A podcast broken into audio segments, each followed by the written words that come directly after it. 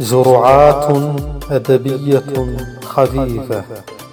أحاديث سريعة في الأدب والمطالعات والشعر. السلام عليكم ورحمة الله وبركاته. مرحبا بكم في هذه الحلقات الموجزة التي هي عبارة عن جرعات أدبية صغيرة. كما اتفقنا سنخصص هذا الجزء للمطالعات. وسيكون هناك بإذن الله تعالى الجزء الآخر آه، المتعلق بمجالات الترجمة واللغة العربية. في الإعلام وفي الإعلام الرقمي خصوصا. آه، المطالعات اليوم سنبدأها في مجال الأدب والأدب النثري آه، الروائي الحديث على وجه الخصوص. سنبدأ بالكاتب المصري المشهور نجيب محفوظ وقصته معه. تعرفت إلى كتب نجيب محفوظ وأنا في الثانوية وكان مقررا علينا في مادة الأدب. كانت مقررة علينا بعض أعماله خصوصا آه، رواية خان الخليلي ولكنني لم أقرأه بتمعن كبير. وبعد ذلك آه، لما ذهبت إلى مصر تعرفت على كتبه عن قرب. وكانت آه، أول رواية أقرأها له هي رواية الشحاذ والغريب أنها رواية حسب رأيي عميقة وليست من رواياته التي تستهوي المطالع الجديد الذي ليست له معرفة بأساليب نجيب محفوظ وطرق تعبيره. كانت عن محام شهير ولعلكم تعرفونها وربما شاهدتم فيلم فيلمها القديم. ولو أن الأفلام لا تعطي حقيقة الروايات كما أعتقد.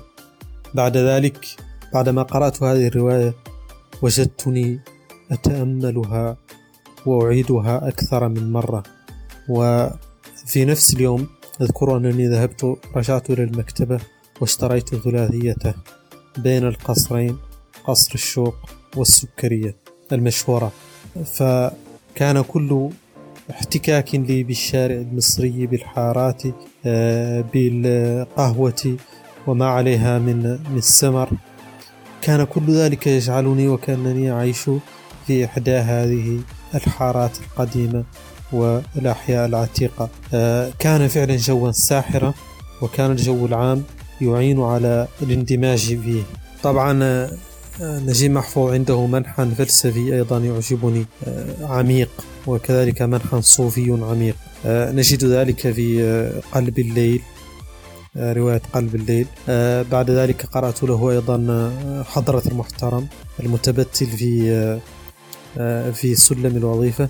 ربما أعود لها بشيء من التفصيل لكل هذه الروايات إن شاء الله. كذلك اللص والكلاب وقرأت له حديث الصباح والمساء. وقرأت له بداية ونهاية. كانت أيضا جميلة رغم ما فيها من بؤس. فوجدتني أتعاطف مع هذه الأسرة التي فقدت أباها واضطرت اضطر أبناؤها إلى العمل.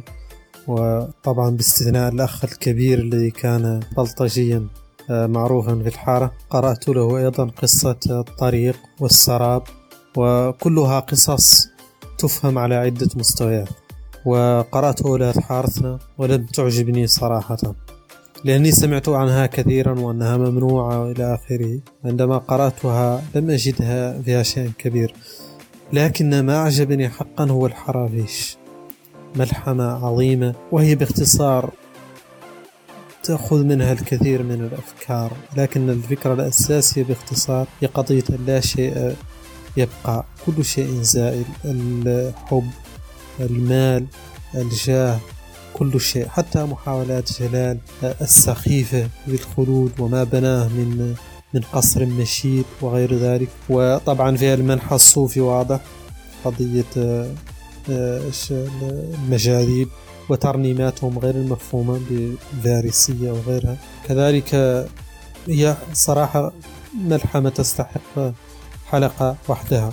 أعتقد أن لغته أيضا ساهمت بشكل كبير في تخطي اللغة العربية مسألة ما كان يذاع ساعتها من أنها لا تستوعب الحوارات الحميمية والحوارات اليومية وحوارات الشارع وغيره. وطبعا هو كان كان هناك ذلك النقاش والحوار الكبير حول هذه القضية. هل نستخدم اللغة الفصحى وهي مستوى واحد؟ فهل نجعل المدير يتحدث بنفس اللغة التي يتحدث بها البواب وهذا لا يعطي صدقية إلى آخره ما ظهر في معاشير الرواد من آه، في المسرح مع توفيق الحكيم وغيره. هو نقاش مشهور وموجود في الكتب. المهم أن عبقرية نجيب عندي أنه استطاع أن يكتب بلغة فصيحة سليمة وأن تكون أيضا في نفس الوقت قريبة وأن يتناول بها جميع مناحي حياة الشخصيات التي كتب عنها. وهي شخصية طبعا مختلفة من الوزير إلى الغفير كما يقولون. يبدو أن الوقت أخذنا إلى حلقة أخرى بحول الله نواصل مع مع هذه المطالعات والقراءات والمراجعات الشخصية. آه، لا تنسوا أن ترسلوا لنا آراءكم وتقييماتكم الشخصية لما تقرؤون من كتب. شكرا جزيلا وإلى حلقة أخرى. والسلام عليكم ورحمة الله وبركاته.